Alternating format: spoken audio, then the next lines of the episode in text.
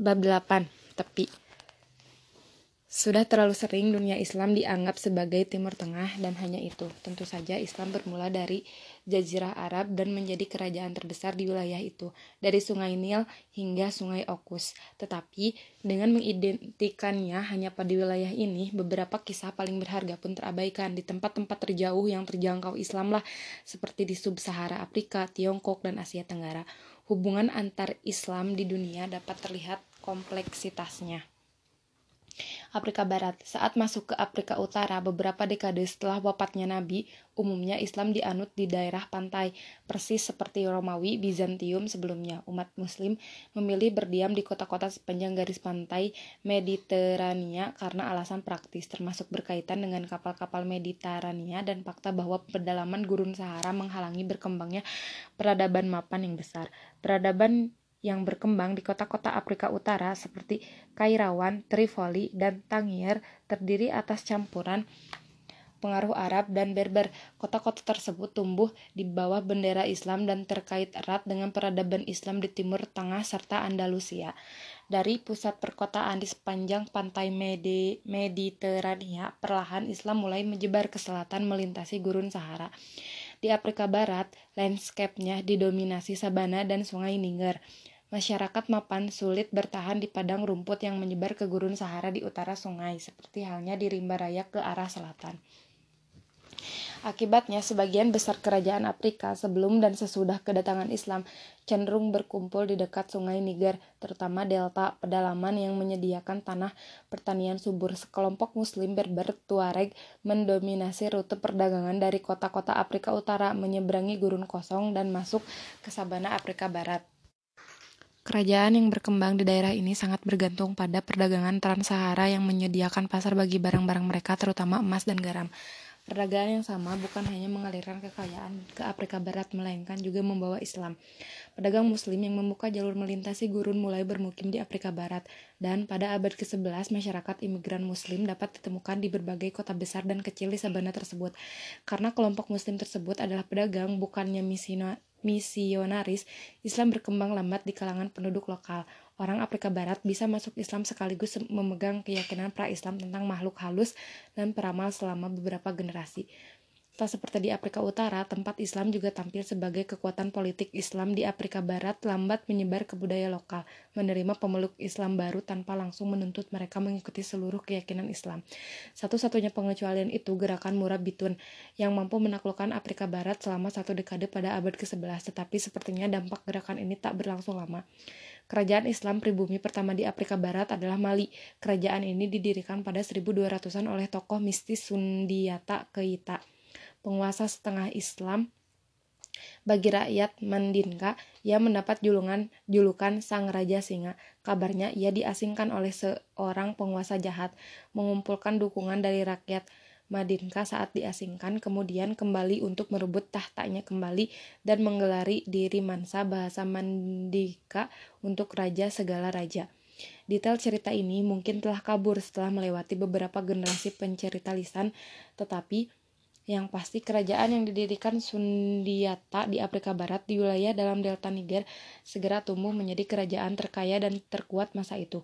Kemakru, kemakmuran Mali paling terlihat dalam kekuasaan Mansa Musa yang memerintah dari 1312 sampai 1337. Setelah mengambil alih kekuasaan saat saudaranya, Mansa sebelumnya berlayar ke barat menyeberangi Atlantik untuk mencari daratan baru. Mansa Musa memimpin kerajaan yang mungkin menjadi salah satu kerajaan terkaya dan terkuat saat itu. Ketika Timur Tengah berurusan dengan serangan Mongol dan Andalusia menyusut menjadi Emirat Granada, Mali tumbuh di sabana selatan Gurun Sahara sebagai entitas politik muslim utama, tetapi Mali masih jauh dari pandangan dunia Islam lain yang relatif tak menyadari keberadaan negara itu. Yang paling diketahui tentang Mali pada masa itu berasal da dari cerita perjalanan Haji Mansa Musa pada 1324 ke Mekah yang menjadi ajang pamer kekayaan dan kekuatan Mali pada dunia Islam lainnya. Rombongan Mansa Musa berangkat dari Sabana Afrika Barat dengan lebih dari 600.000 pengiring Raja ditemani 12.000 orang yang masing-masing berbusana jubah sutra mahal dan membawa 2 kg emas dari tambang emas Mali yang terkenal. Unta-unta juga membawa tas pasir emas yang dibagikan kepada orang miskin di sepanjang perjalanan. Banyak warga kota sepanjang jalur perjalanan dibuat kagum oleh arak-arakan megah dari kerajaan Afrika Barat yang tak dikenal ini. Saat tiba di Mesir yang saat itu dipimpin dinasti Mamluk, Mansa Musa meninggalkan kesan mendalam bagi pejabat lokal. Mereka mencacat, mencatat bahwa sang raja sangat soleh, tak pernah lupa sholat, dan menguasai Quran.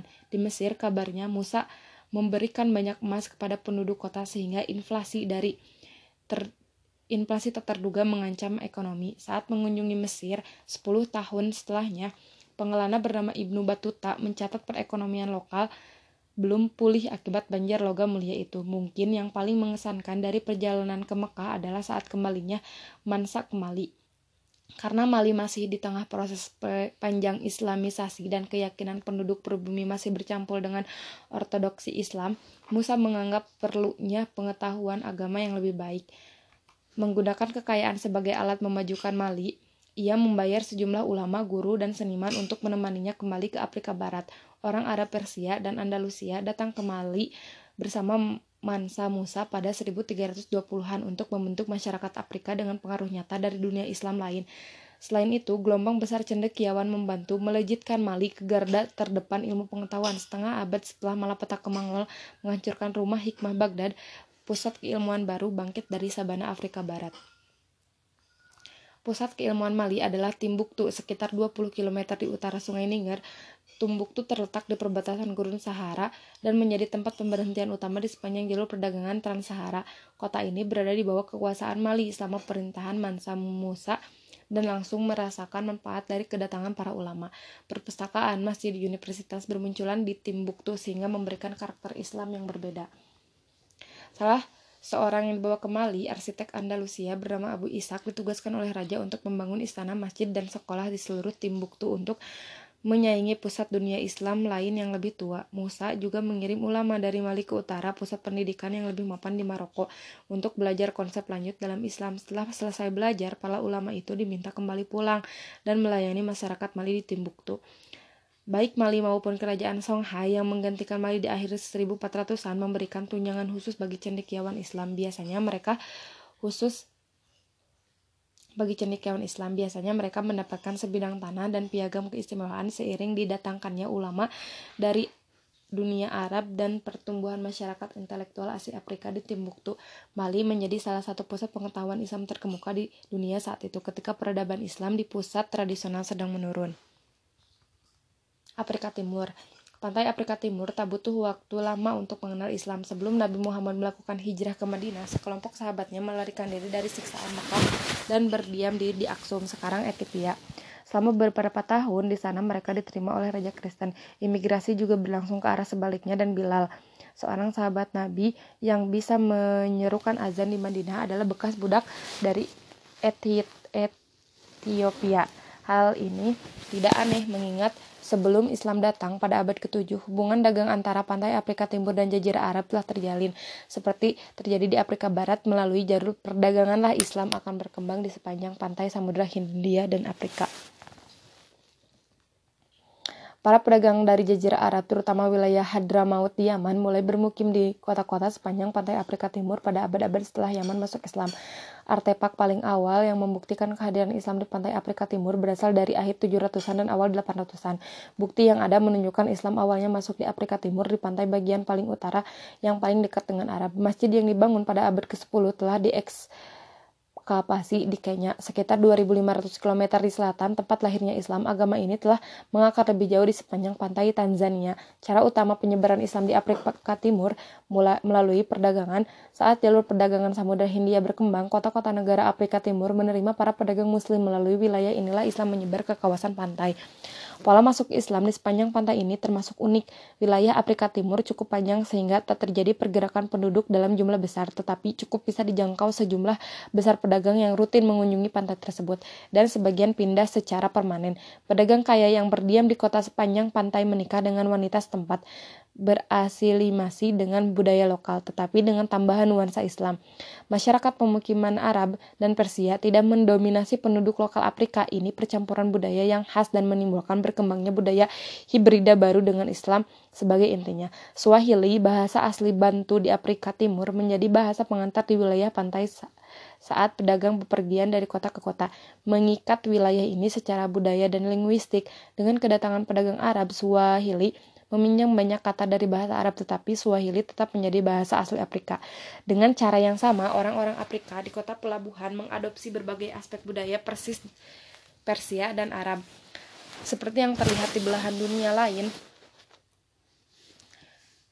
yang mengadopsi Islam, kedatangan agama baru ini tidak menghilangkan budaya dan tradisi sebelumnya.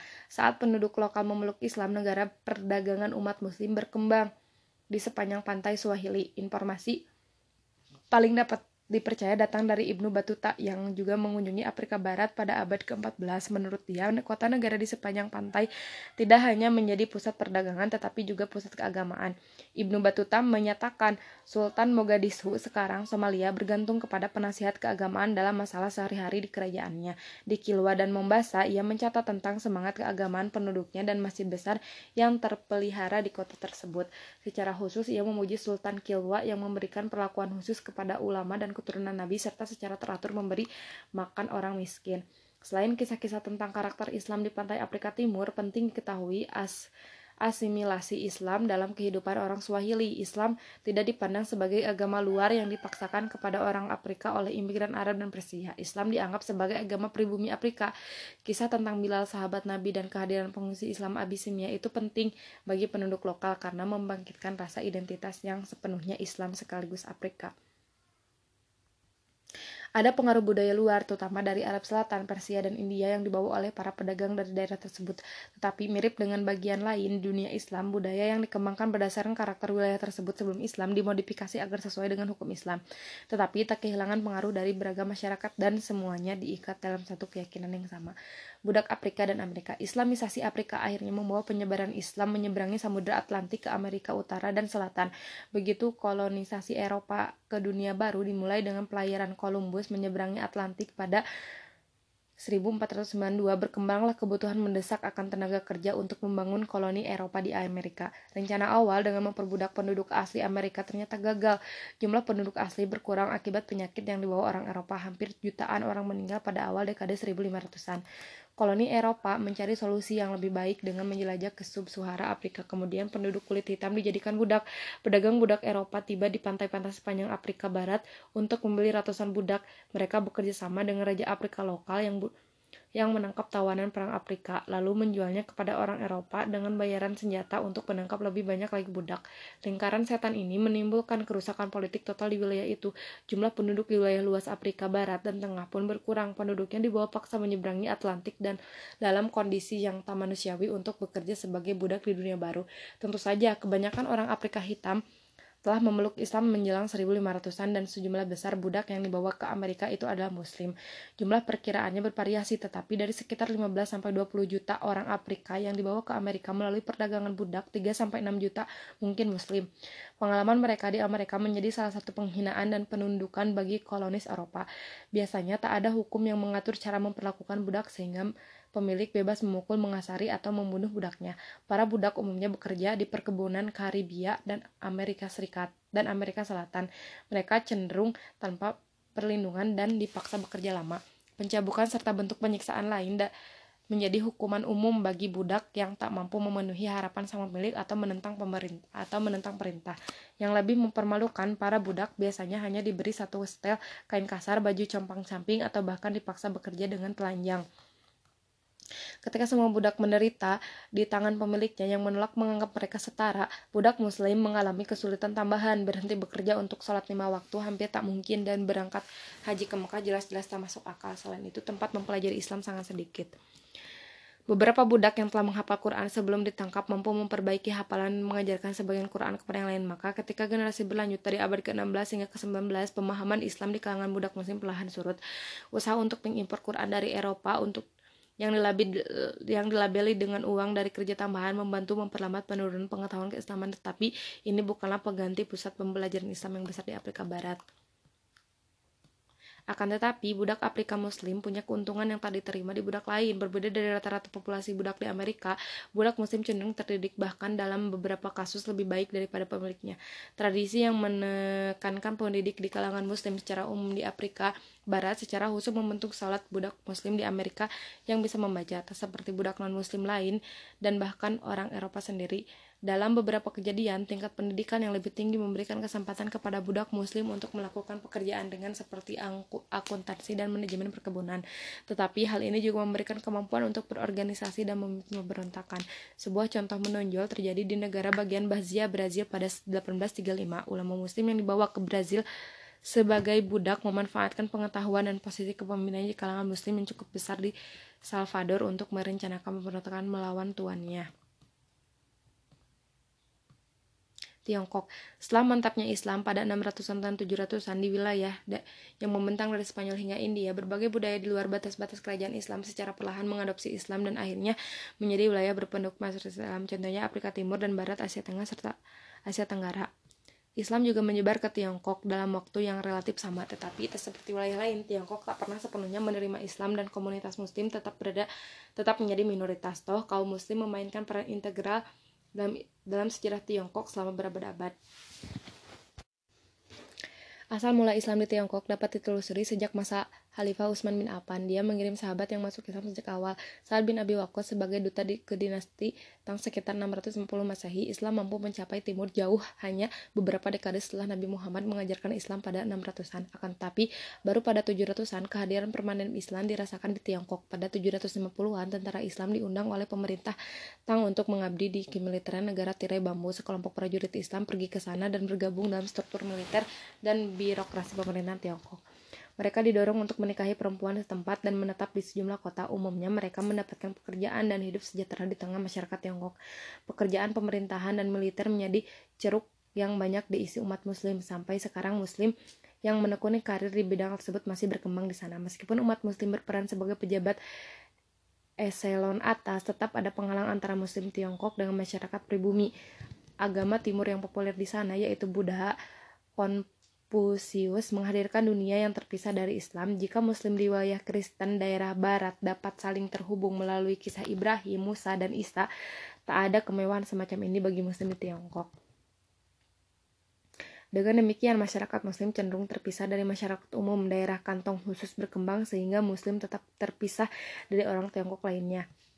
Akan tetapi isolasi ini berakhir saat penaklukan Mongol pada abad ke-13. Kekaisaran Mongol yang luas juga mencakup daerah Asia Tengah dan Persia beserta Tiongkok penghancuran berbagai kota dan wilayah di Timur Tengah menyebabkan perpindahan penduduk secara besar-besaran. India. Setelah ekspedisi Muhammad bin Qasim ke lembah sungai Indus awal 700-an, Islam tak masuk lebih jauh secara politik ke anak dunia India. Sebuah tempat didirikan di Sindh, tetapi karena jauh dari ibu kota Islam di Damaskus, Kemudian Baghdad ekspedisi militer lebih lanjut tak dapat dijalankan dan mungkin secara finansial tak dapat dipertahankan. Kehadiran bangsa Turki dunia Islam mendorong kekuatan Islam lebih jauh ke India. Terdapat catatan terperinci tentang Mahmud dari Ghazni, Sultan Turki yang kali pertama memimpin ekspedisi militer ke pedalaman India, mengangkat diri sebagai pemimpin negara otonom yang beribu kota di Ghazni, dataran tinggi Afghanistan. Ia cukup dekat dengan India sehingga bisa memusatkan perhatian pada anak benua ini. 17 tahun operasi militer ke India Utara menjadi dasar kekuasaannya yang menghadirkan kemakmuran dan kekuasaan bagi dia dan kerajaannya.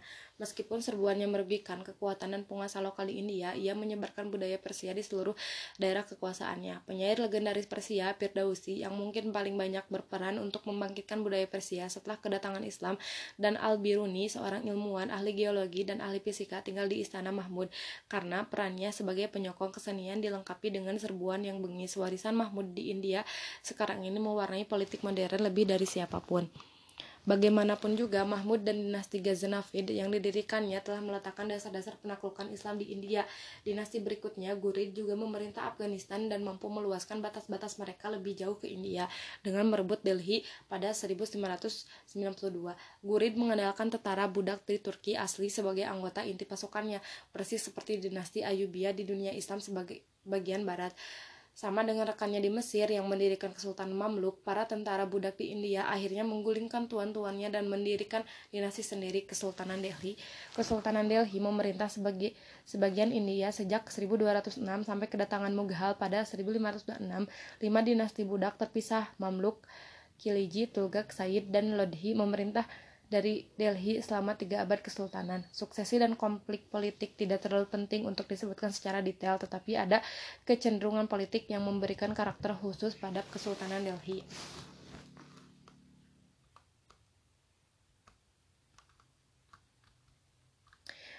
Dari Pasai, Islam menyebar ke timur hingga kerajaan Malaka yang berdiri di sekitar 1400 Masehi terletak di selat yang dilalui hampir seluruh pelayaran di India dan Tiongkok.